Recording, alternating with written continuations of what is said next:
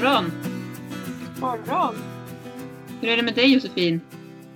Det är eh, bra med mig. Jag är lite så här sliten och trött. Det, är, det är väldigt mycket just nu. Men, eh, men det är bra. Det, det känns som det kommer bli en bra dag.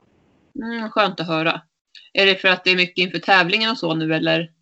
Ja, precis. Jag ska ju åka iväg nu fredag till söndag den här veckan till Skåne. Så det är ju mycket ja, det har varit mycket förberedelser inför det och fixa och åka och köpa foder och eh, ja, men mycket planering och, och sånt. Och sen samtidigt så, så har jag ju lektioner och jobbar och sånt också och ska träna hästarna så att det, det blir liksom lite mera intensivt än vad det brukar vara. Mm, det är full snurr. Ja, verkligen. Hur är det med dig? Jo, men det är bra. Eh, jag har också varit lite trött så här. Eh, men det har varit samma sak för mig också. Full fart med hästarna i trä, träning, träna dem och med jobb och, och, barnen. Och, alltså det är full fart liksom. Sen så tycker jag att ja, men vädret har ju varit så växlande och det har varit ganska kallt nu också så där. Och det påverkar också tycker jag. Men en, sen har jag ändå varit ute mycket just för att det finns så mycket att fixa med. Vi fixar sommarhagar och vi bygger vindskydd och man liksom, det är full fart hela tiden. Så att, eh, ja, det är väl klart att man blir trött. Sen har jag gått och lagt mig ganska sent på kvällarna, vilket är ganska dumt i och för sig. Men det är så att jag kan känna att när jag har varit i full fart hela dagen, då vill jag bara liksom slappa i soffan sen på kvällen. Och då blir det oftast liksom lite senare sådär eftersom att det är full fart. Och sen just det, det det jag ska säga, det har varit deklarationstider också. Just, jag har suttit mycket med det med bokföring och så. Och deklarerat. Det har ju tagit mycket tid kan jag säga. Ja, Ja. Så det är mycket som händer, både för dig och mig tänker jag. Ja, precis. Det är den här perioden i, eh, i början på året, liksom våren innan sommaren kommer. Det är så mycket man ska förbereda inför sommaren.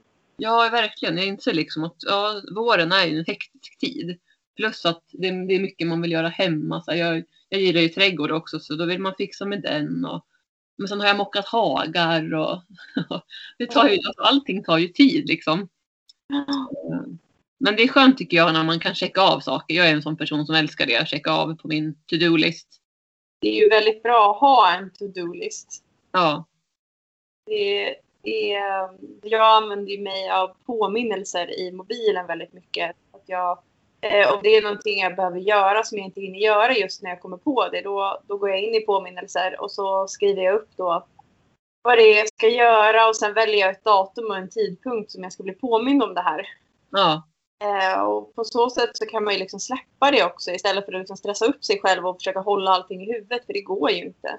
Nej, där säger någonting jätteviktigt. Alltså det här att hålla saker i huvudet, det har jag också insett för ganska många år sedan visserligen när jag startade företag att det går inte. Det började egentligen med att jag blev strukturerad när jag startade företaget och inom hälso och skönhetsbranschen då kände jag att om jag ska ha koll på möten och aktiviteter då måste jag liksom in med det i kalendern och på den vägen. Och sen så jag kör faktiskt med min kalender i telefonen, vilket också jag får fram på datorn. När jag sitter med den och jobbar så har jag saker där. Så det blir liksom lite som min, dels som min dagbok. Eh, saker jag ska göra, möten och det kan vara andra saker också som är liksom hästrelaterat. Till exempel som att mocka hagar eller fixa sommarhagar och sådana saker liksom får jag in där. Eller åka och köpa spån eller foder och sånt. Eh, jag tycker det är bra. Så det finns lite olika sätt som. Man kan använda påminnelser men man kan också använda kalendern. Jag använder faktiskt kalendern också just för att få den här överblicken på, alltså om jag har till exempel på helgerna, då hade jag jättemycket lektioner nu den här helgen och då mm. en överblick i kalendern när man lägger in då bokning klockan 15 till 16 och sen nästa bokning typ klockan 17 till 18 så ser man ju hur mycket tid man har emellan också. Ja men precis. Det tycker jag är är väldigt bra också så att man mm. ser eh, och speciellt när man bokar in så måste man ju se att det finns tid för eh, alltså li, lite tid ifall något uppstår eller typ att man ska hinna äta mellanmål eller lunch också emellan. Ja, nej men verkligen. Det, som säger, liksom, till exempel om man har en ridlektion. Eh, jag har ofta hästskötarkurser vid 17.30 på kvällarna och då vet jag att ungefär jag är ute till klockan åtta vissa dagar, några dagar i veckan. Eh, och sen där på dagen liksom, så är det andra saker som man ska göra. Man har möten och man kanske ska rida på Abbe till exempel. Då för jag in det i min, i min kalender. Jag har, ju, jag har ju alltid varit så att jag har föredragit telefonen. Annars vet jag att många gillar ju papperskalender men jag tycker att telefonen har jag alltid med mig. Det är så lätt att ta fram den och uppdatera liksom, eller kolla, kolla vad man ska göra. Liksom, vad, är, vad är planen här nu? Jag håller helt med dig där. För att jag har haft papperskalender också. Jag tycker egentligen om det. Men eh, nackdelen där är att man har inte alltid den på sig. Och då kan det bli svårt att om det är någon som vill boka in någonting och så behöver man säga att nej men, ja, men du, får, du får avvakta lite, jag måste kolla i min kalender när jag kommer hem. Mm, det är Mobilen är liksom tillgänglig, då kan du ta upp den och titta i kalendern och bara ja men just det, den här dagen kan jag. Ja, ja men verkligen. För annars skulle det för mig bli ett stressmoment om jag inte hade kalendern med mig och måste säga att jag ska återkomma. Ja, um. ja det, det glömmer jag bort sen för att då ja. börjar jag någon annan häst och sen så har jag glömt vad jag sa. Ja. Och sen en annan sak när vi ändå pratar om det här med tidseffektivisering och planering och sådär. Till exempel, det kan ju vara så att man hör av sig och vill boka ridlektion. Och, om, och jag kan inte sitta med telefonen 24-7 för som vi säger så har ju både du och jag liksom mycket hela tiden så man måste ju svara på meddelanden när man kan. Men jag försöker göra så snart som möjligt. Och absolut under dagen svarar jag ju alltid på saker. Men då kan det vara så att jag inte läser meddelandet. Även om jag ser att jag får ett meddelande så väntar jag med att svara tills jag verkligen har tid. Och när jag sen har tid och ska svara, då på en gång så kollar jag min kalender. När kan jag boka in den här personen? Och så ger jag ett förslag liksom, på tid, lediga tider. Eh, det, det, är ett exempel på att vara tidseffektiv tycker jag. Ja. Mm, så att det inte blir att, som du säger, att man ska kolla när man kommer hem och så glömmer man kanske svara och sådana här saker. För det är ju lätt hänt tycker jag att man, man annars kan glömma att svara om man inte eh, tar det i stort sett när man läser meddelandet. Nej, precis. Det, det håller jag verkligen med om. Och det, alltså, det har ju mycket att göra med att man har så mycket, så mycket för sig hela tiden. Och det, det, det kräver mycket fokus när man håller på med hästar eller barn, håller lektioner och sånt. Man, man är ju verkligen här och nu. Ja. Ja, men det, det är verkligen ett, ett jättebra tips om ni inte redan använder er av någon kalender eller något som ni där ni har skrivit ner vad ni ska göra. Det kan ju också handla om eh, träningsplanering för din häst eller någonting. Det blir så mycket mer strukturerat och tydligt när man har det nerskrivet. Mm. Och just det här översikten som man kan få över en vecka när man ser det i kalendern. Eh, och sen har vi pratat om Ride-appen också som vi använder. Det finns ju många appar men den använder både du och jag och där för jag in det jag har gjort. Oftast så gör jag det i efterhand för att jag har först och främst planen i min kalender. Och sen när jag har genomfört det, då brukar jag föra in det i Ride-appen. Och det kan man väl tycka på ett sätt är lite mer jobb. Men å andra sidan så kan man ju aldrig veta exakt i förväg vad som kommer hända. Även om man tänker att man ska planera ett ridpass så brukar det ändå bli att man behöver gå in och redigera den. Beroende på hur noga man är förstås. Men jag, till exempel med Abbe så vill jag vara väldigt detaljerad för jag vill liksom kunna gå tillbaka och säga okej, okay, men här för ett halvår sedan, men då befann vi oss här. Eh, då var han på det här sättet till exempel och jag red på det här sättet. Men nu har vi utvecklats så jag vill kunna se det. Plus att om det skulle bli någon skada så kan man gå tillbaka och titta. Men vad gjorde vi då? Eller du vet så här. Då har man en liten, en liten dagbok helt enkelt. Ja, jag håller helt med dig. Det är, jag brukar ha en plan och sen så loggar jag det då i Ridley som jag använder mig av efteråt. Ja. För det kan ju också vara så att planen inte funkade den dagen och då behöver man ju eh, avskriva ner vad man har gjort istället. Precis. Till exempel igår så hade jag tänkt att jag skulle gå med Abbe eh, upp till ridhuset genom skogen och så rida där uppe. Men det blev lite andra planer. Jag, jag red istället upp dit för att maken följde med på promenad och sen så red jag lite själv på utebanan och sen efter det så tänkte jag att vi går in i ridhuset och longerar och så eventuellt släpper honom lös eller så. Och det blev ju lite som sagt då andra planer så att det, då, då, ja, då fick jag ju liksom ändra det i, i appen och kan, kan sen gå tillbaka och se vad det var vi gjorde, faktiskt gjorde. Och det är klart att det krävs lite arbete men för mig är det viktigt att, att liksom ja, kunna gå tillbaka och se vad man har gjort och för en, för en själv också kunna checka av att man har gjort det man vill göra och uppnå. För det är ändå liksom ett mål, delmål på vägen och det är viktigt att följa dem tycker jag. Ja, jag håller med. Det behöver jag för min motivation.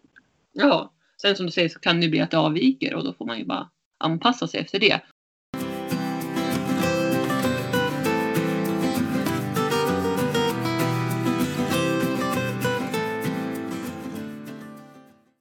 Och apropå det så tycker jag det här med varierad träning, det har ju både du och jag pratat mycket om. Men ehm, Och det, jag satt och reflekterade över det här om dagen när jag kollar tillbaka på mina aktiviteter med hästarna, träningspass, så, så ser jag ju liksom att det är väldigt tydligt att det är varierat.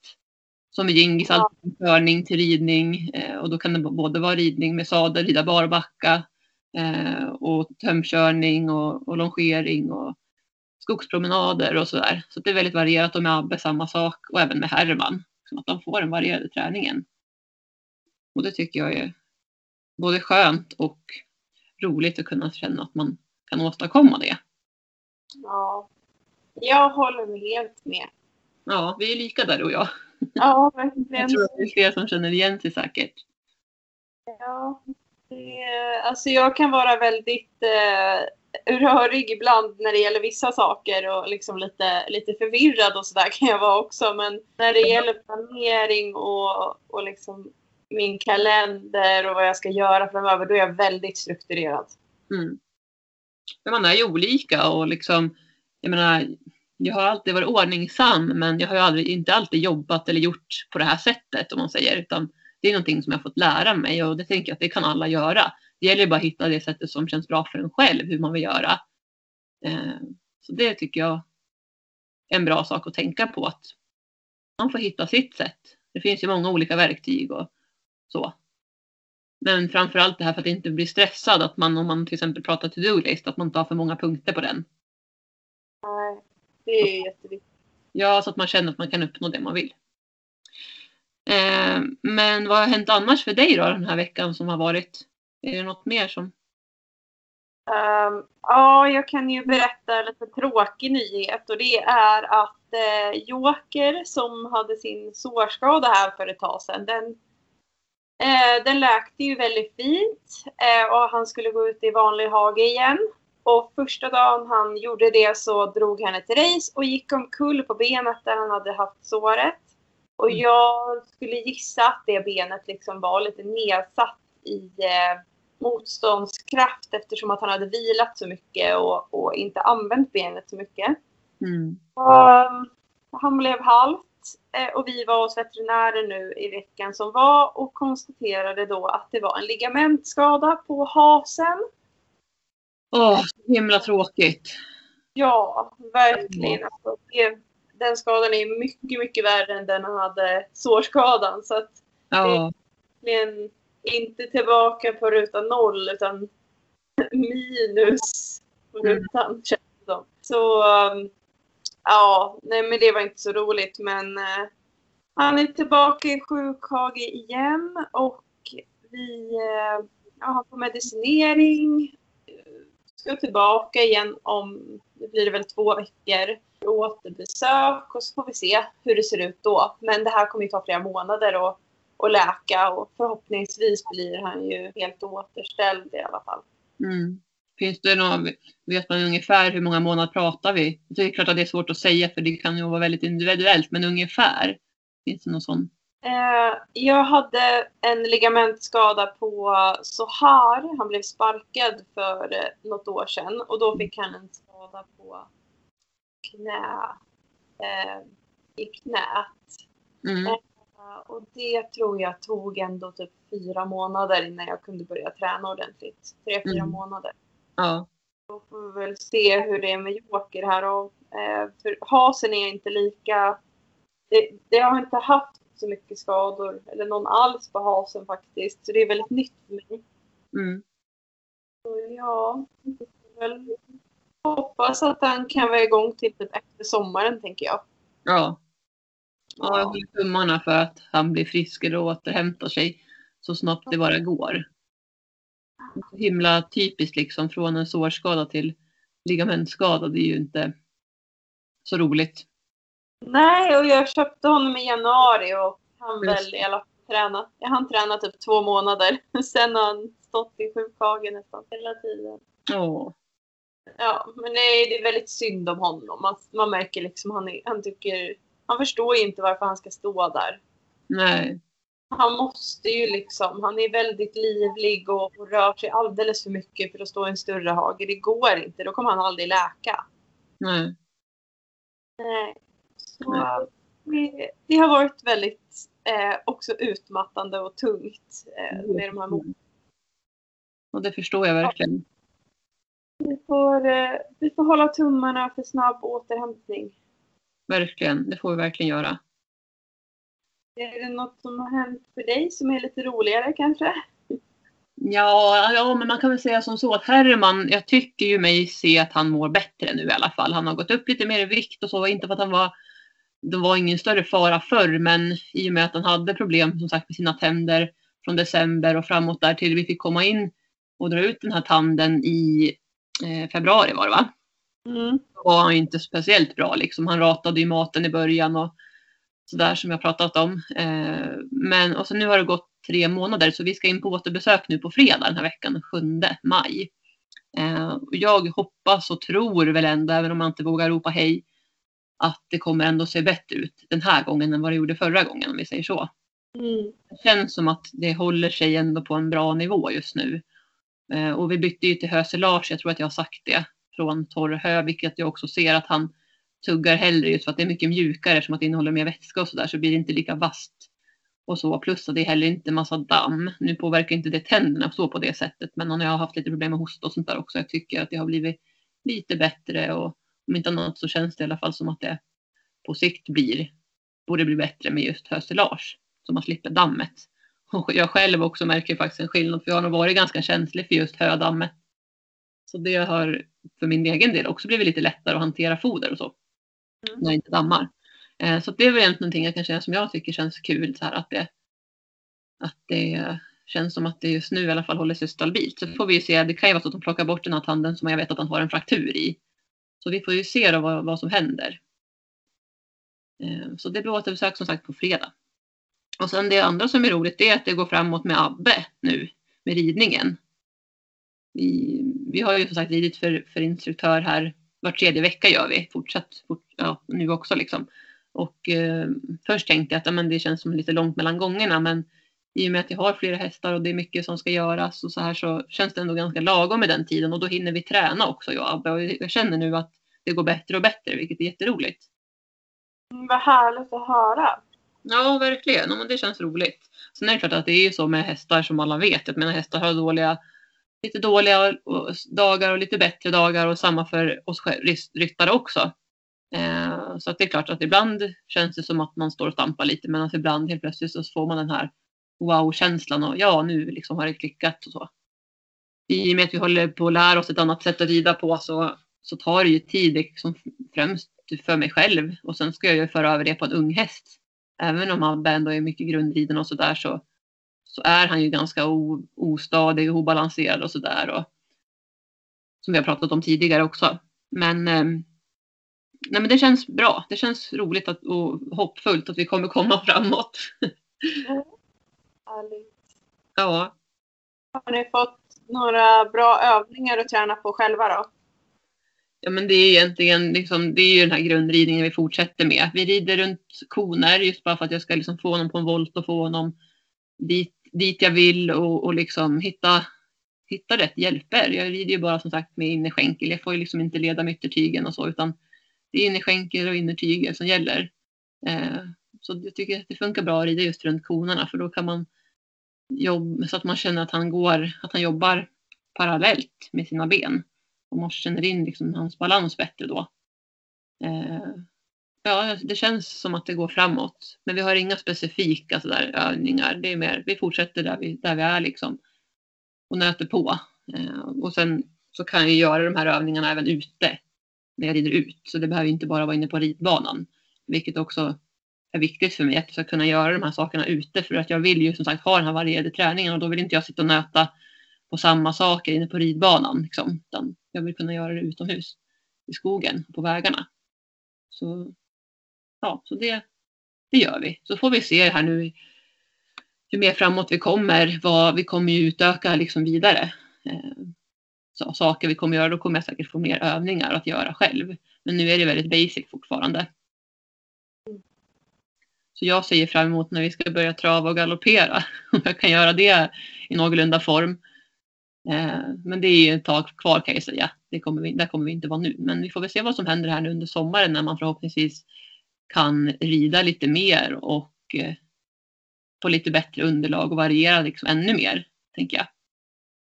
Ja, men precis. Eh, det är ju jättekul att ni har kommit igång med träningarna. Att ni får stöttning i, ifrån en tränare just eh, som ser framstegen. Mm, verkligen.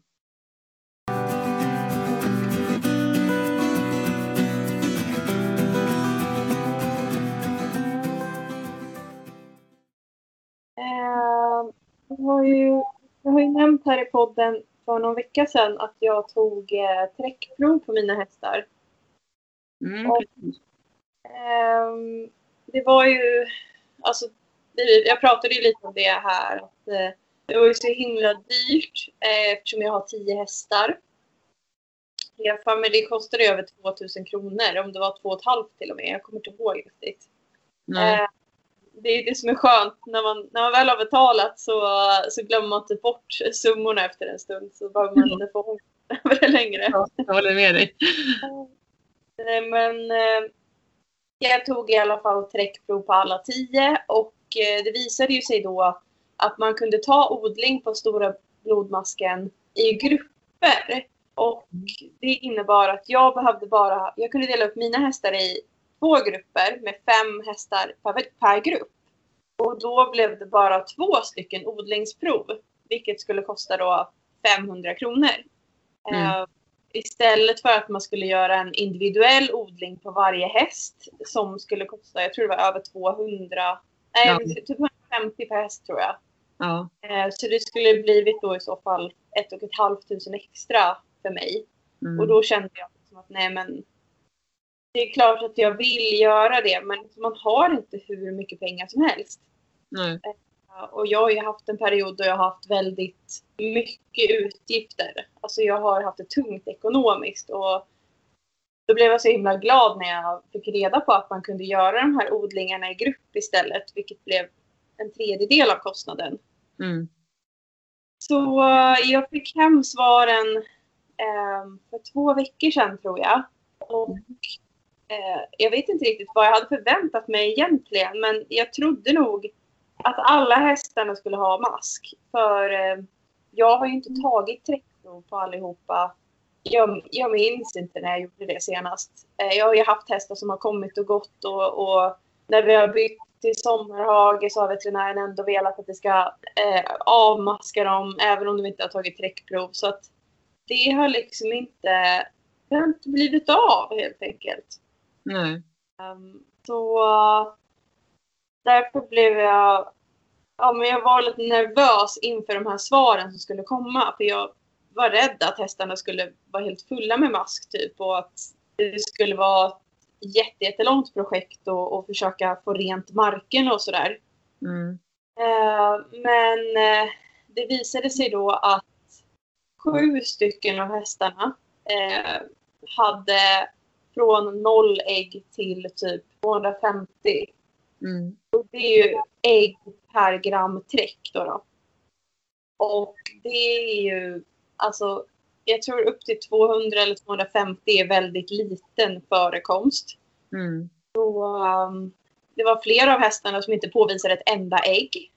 Och sen var det några som hade typ 30 eller 60 ägg. Och så tror jag att det var två som hade mer än det, typ 150 och sen 250. Så att det var ändå en väldigt stor del av mina 10 hästar som nästan var helt fria från ägg i träcken. Vad skönt. Ja, det, det blev jag ju jätteförvånad över och väldigt Mm. lättad. Mm. Sen då när det kom till de som faktiskt hade mera i träcken så var det Toppis som hade 450. Vilket inte är, det är inte jättemycket men det är ändå så här måttlig mängd tror jag. Och jag hade väl kunnat gissa att han skulle kunna ha för att han har eh, Ja, men alltså, han har alltid varit lite tunnare i kroppen. Alltså, det är det man tänker typ om hästen har mask. Att den ska kanske ha lite svårt att sätta hull och så. Mm. Men, eh, men av, av de tre som hade mera förekomst så var han en av de som jag kanske hade kunnat gissa på. Mm. Men jag blev mest förvånad över de två som hade mest. Och det var då Caruso som hade 750 ägg per gram. Mm. Eh, han är ju otroligt fin i kroppen och väldigt välmående och liksom visar inga tecken överhuvudtaget på att ha mask. Eh, och Orys hade mest. Han hade 1050 ägg per gram träck. Oj, ja. Jag måste nog säga att Oris är typ den hästen som ser finast ut av mina just nu. Han är så Ja. glansig i pälsen. Han har såna här trivselfläckar och han är ju sån här eh, apelkastad skimmel typ. Så att han ser ju otroligt snygg ut nu och Ja. jättehel i hullet och alltså pigg och glad och busig och det finns ingenting som tyder på att han skulle ha mest ägg. Jag hade aldrig gissat det. Så jag kände verkligen man förstår ju varför man ska ta de här träckproven. Mm. Eh, För man kan inte kolla på hästarna i hagen och säga men den där hästen har någon mask. Jag sa ju i podden att jag var ganska säker på att Joker skulle ha eh, parasiter. Han Ja. hade 30 ägg per gram träck. Det är ju nästan ingenting. Nej. Så att, alltså man kan verkligen inte lista ut det genom att bara titta på hästarna. Nej, en, en ut, utåt sett fullt frisk häst kan ju då bära på mask. Men det kan ju också vara, i vissa fall kan man ju se det liksom, så här misstänka att det kan vara det. Men som du säger, man kan ju inte utesluta att nej men det här är ingen fara, den ser så pigg och fin ut. Det, vi, det har ju verkligen ett bevis på. Och intressant att det kan ändå vara sån skillnad egentligen då. För de går ju ändå alla i samma hage liksom, dina hästar. Ja, det är ju nästa grej som är väldigt intressant. Att jag har tio hästar på, ehm, i, i en hage tillsammans. De har ungefär samma beteende allihopa. De går ju och plockar i de enstaka grässtråna som finns i hagen. För de går ju inte i en, beteshage nu. Eh, Mm. och de går ju liksom och betar de stråna som kommer upp. Och som sagt, alla har ungefär samma beteende. Men det var ändå så olika resultat på hur det såg ut i, i, inne i dem. Liksom. Mm. Och eh, där kan man ju se också att det kanske är mera individuellt hur utsatta de är. Mm. Eh, och jag, kan, jag vet ju inte hur pass avmaskad Orus är sen tidigare när han var yngre eftersom att han kommer ifrån, han är född i Litauen och sen så flyttade han därifrån till Polen och sen som fyraåring till Sverige. Och jag vet ju inte alls hur deras avmaskningsrutiner ser ut i de länderna. Nej. Så det kan ju vara så att han kanske har burit med sig eh, parasiter eller så att han alltid har haft lite grann i sig och därför är mera utsatt. Mm. Sen kan det ju vara åt andra hållet också. Jag menar det här med resistens är ju också börjar liksom, är ju, har ju varit vanligt i alla fall. Jag vet inte exakt hur det är nu men det var väl därför också man införde det här med träckprov och så för att, för att inte att det ska bli de ska utveckla en resistens mot maskmedel och sånt. Det kan ju vara en sån sak också att man har övermaskat till exempel. Eh, Ja. eh, Men det behöver inte vara så liksom. Men jag tänker att det kan ju vara, kan ju vara åt båda hållen. Mm. Men Ja, det har, så kan det ju vara. Och det, det är ju så, alltså, det är få länder som är så kontrollerat som Sverige är när det gäller djurhållning rent generellt. Vi har ju Mm. verkligen mycket att förhålla oss till hela tiden. Verkligen. Och jag tycker att det är jättebra. Även om det blir kostsamt i- liksom emellanåt när man ska göra de här analyserna och så. Men det handlar ju om att vi ska, ja, både för miljön men också för, för hästarnas skull. Så att de inte utvecklar resistens. Och för att vi också själva ska kunna känna att man har koll på hur besättningen, sina hästar ser ut. Ja. Eh, nej men som du säger, det här med Abbe också. här, Han importerade jag i somras från Spanien. Och, och jag kan inte säga att jag vet exakt hur det går till. Men jag frågade ju liksom det här med avmaskning. Och hon sa att de avmaskar två gånger om året. Fick jag till svar. Eh, och när Abbe kom så hade han 30 e-, alltså EPG. Då. Så att, eh, det var ju inte högt. Och jag gjorde odling på stor blodmask också. Det var ju ingen förekomst. Så att det, han såg ju liksom fin ut. Men jag maskade honom ändå eftersom att han kom utomlands ifrån. Eh, och så. Så att det, det som du säger, det här med importerade hästar kan man också vara lite, ha lite extra koll på. Eller oavsett när man köper en ny häst till exempel, eller det kommer en ny häst till stallet, att man verkligen tar, tar sitt förnuft till fånga och verkligen gör en koll, en, en, analys på hästens träck. Ja. Eh, och sen som du sa där med eh, med Abbe då när han kom och att det tog eh, träckprov på honom. Och att man, eh, man vill ju veta vad det är för mask också om de har. Som, som i mitt fall då att eh, jag vis, visste att de hade då liten eller stor blodmask. Men tack och lov tog jag ju en odling. Mm. Eh, fick jag faktiskt svar på igår. Ja. Då var det negativt resultat på stor blodmask på alla hästarna.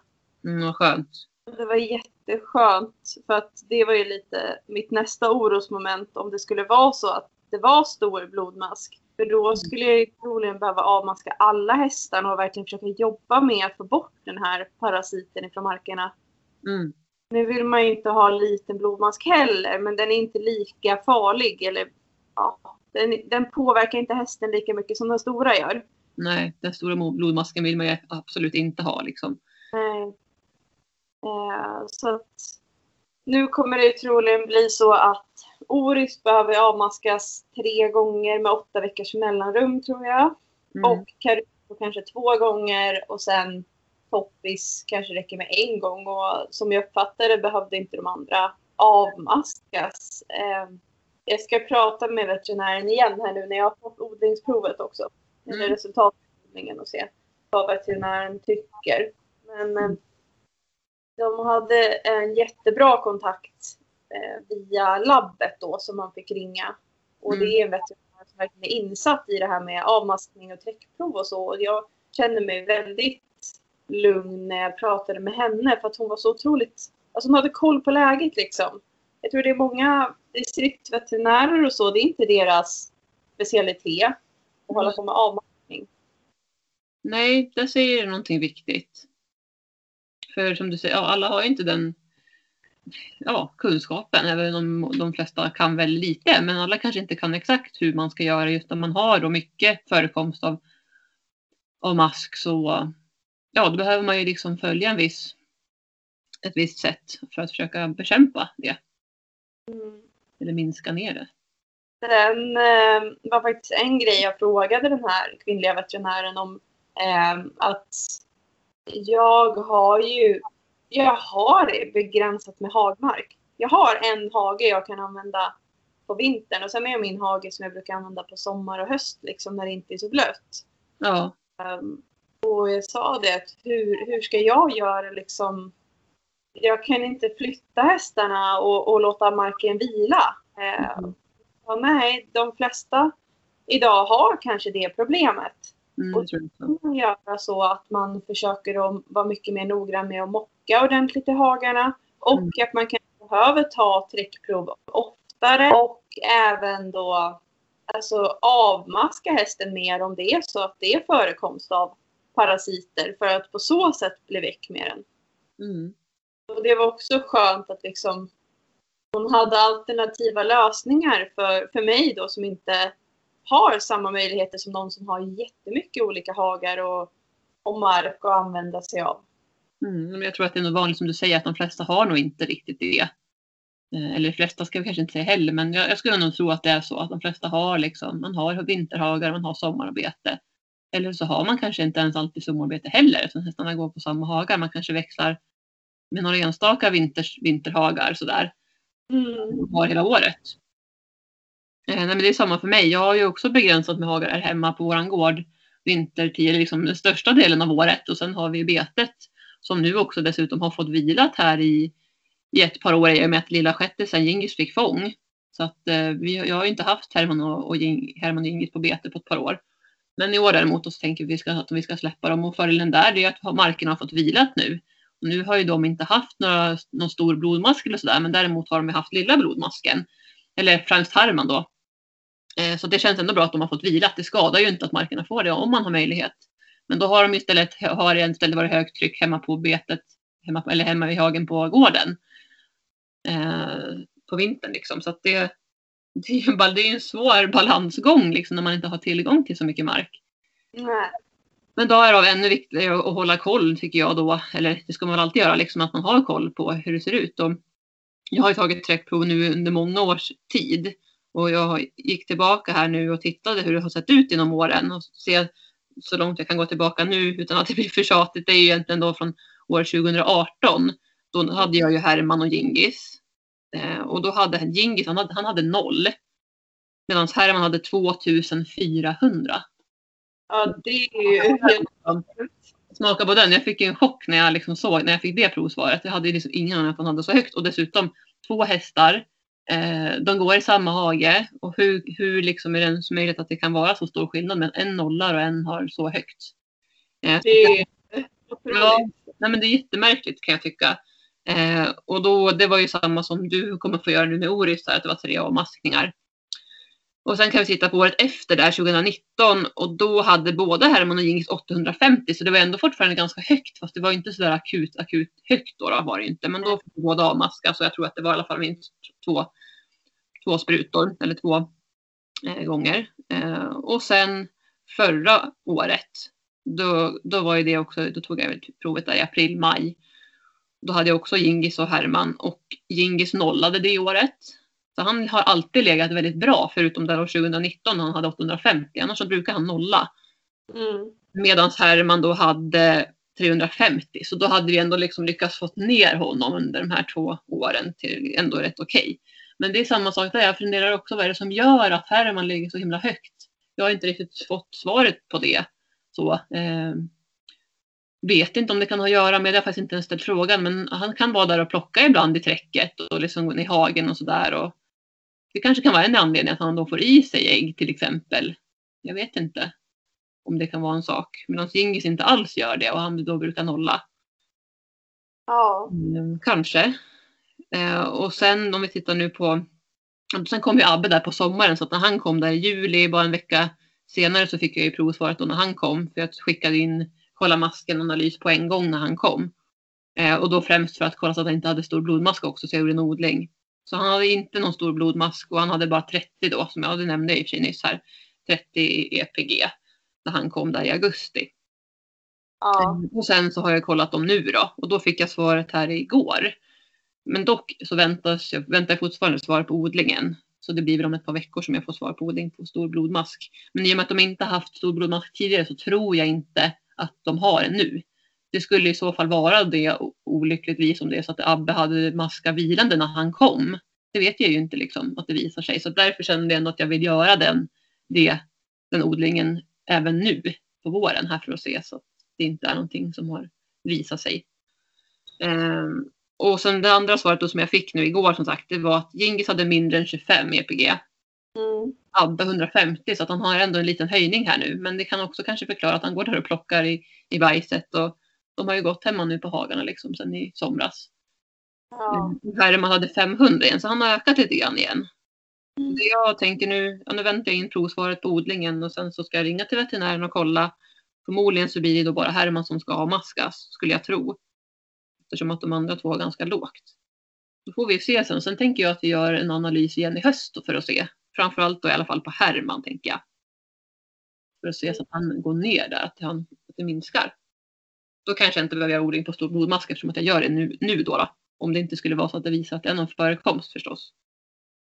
Eh, så att ja, det är intressant. Och, Det är eh, verkligen ett pågående projekt när man ska försöka bli av med de här parasiterna. ja, verkligen. Det är som du säger, det är mocka hagen som gäller. Det blir ju mycket alltså mocka, det är ju så. Det blir ju Ja. minst en scorcher om dagen. Det är Ja, helt orätt hur mycket det blir egentligen. Det är ju, hos mig finns det ju oändligt med eh, bajs i hagen. Ja, Men jag tänker att jag får, eh, alltså jag försöker ju mocka runt höhäckarna och så just för att det ska bli mera rent. Men egentligen ur parasitsynpunkt är det ju bäst att gå och plocka högarna som de eh, lägger där det kommer upp gräs sen. Det är ju Mm. där de går upp där och det är där parasittrycket inte ska vara så lågt som möjligt. just det. Eh, Så jag tänkte försöka rikta in mig lite mer på, på de områdena i hagen just nu då. Mm, När jag sen börjar avmaska hästarna, att jag försöker att hålla efter där. precis. För det är som du säger, det är inte helt lätt heller att hålla efter. För att det fylls på rätt snabbt om man säger så. Och det kan ju räcka med att man är, blir sjuk eller att man har full fart och liksom det, jag tycker också att det kan vara lättare så här på den här säsongen att sätta igång och mocka och sen när man kommer in på vintern och det börjar börja frysa på då upplever jag själv i alla fall att det är mycket svårare att mocka. Mm. Vi har ju ingen, vi har liksom ingen grävmaskin eller så utan det är ju handmockning. Så man får mocka för hand med grep. Så. Ja. Det blir ju svårare på vintern när det fryser på. Och sen så går det, alla vet ju att det går så fort där från när det blir nytt år och fram tills nu. Jag fattar liksom inte att det snart har gått, alltså det är maj nu. Vad har de här månaderna tagit vägen? Eh, Så att jag har ganska mycket jobb faktiskt att mocka nu Hagan, helt ärligt. Jag ligger lite efter där nu. Ja, Mm. jag skulle behöva mocka lite varje dag egentligen, men det är inte alltid jag hinner det. Tyvärr. Alltså, det, jag Mm. försöker lägga mycket tid på det, men, men alltså, när man har tio hästar då man skulle egentligen behöva ha en anställd person som typ hjälper till att ta hand om dem. Nu, nu har jag tur och har, har folk som, kan, som hjälper mig i stallet och framförallt har jag eh, en tjej som heter Saga som är i stallet typ varje dag och kan hjälpa till så, som kan fixa med saker när inte jag är hemma, typ när jag är på jobbet och så. så att, Ja. men, men det är ju mer än heltid att ta hand om så många hästar. Ja. Jag tror fem hästar eller sex hästar i en heltid i eh, just skötsel. Mm. Ehm, ja. Men som sagt, man har ju valt det själv och då är det bara att jobba på. Det finns alltid någonting att göra och de bajsar ju konstant varje dag. ja, de gör typ inte annat tänkte jag säga. Nej. De, de äter och bajsar, det är liksom det som de... Ja, det är så. Ja. Men eh, de är ju väldigt gulliga också. Ja. Jag brukar, Ja. säga jag brukar skoja och säga det till Herman, nu får du ta och hjälpa till här. Var Min pappa hade alltid den attityden, Herman stå inte bara och titta, hjälp till nu. Men mina hästar brukar ju vara med när man mockar. De kommer alltid att att ta tag i grepen och de brukar Ja. välta skottkärran och sådär ibland också. Ja, du, ja, det brukar mina också vara duktiga på. Jag gjorde så här nu häromdagen när jag mockade, för då stod jag faktiskt ett par timmar och mockade. Då tog jag in dem i en annan hage just bara för att kunna få vara i fred och lättare kunna gå in och ut med skottkärra och sådär. Mm. Det, för annars så står de ju där liksom och hänger över en. Ja. De ska klia sig lite sådär, börja lite försiktigt och sen bara, "Ja, där var ju perfekt kli. Och så Ja. välter de den. Så får man börja om. Ja, nej men vi får väl se här nu då vad, vad som händer här. Vi får följa upp det här hur det går med hästarnas avmaskningar och så. Och är det så att ni lyssnar och har frågor om det här med avmaskning och liksom hur vi tänker med, och som vi kanske inte har kommit in på här nu idag så det är bara att fråga om ni vill ha några tips och råd eller så. ja.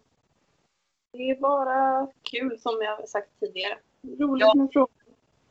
Ja, att man kan hjälpas åt liksom och få det bättre för alla. Kan vi säga så då för den här veckan? Ja, vi gör det. Så får vi önska er alla en eh, härlig helg när avsnittet släpps. Ja, och du Josefin får ha en härlig tävlingshelg framöver här i, i Skåne. Ja, ni får hålla tummarna nu, ni som lyssnar på podden. Ja, det ska vi göra. Ha det så bra allihopa. Ha det så bra. Kram, kram. Kram, kram. Hej då. Hej då!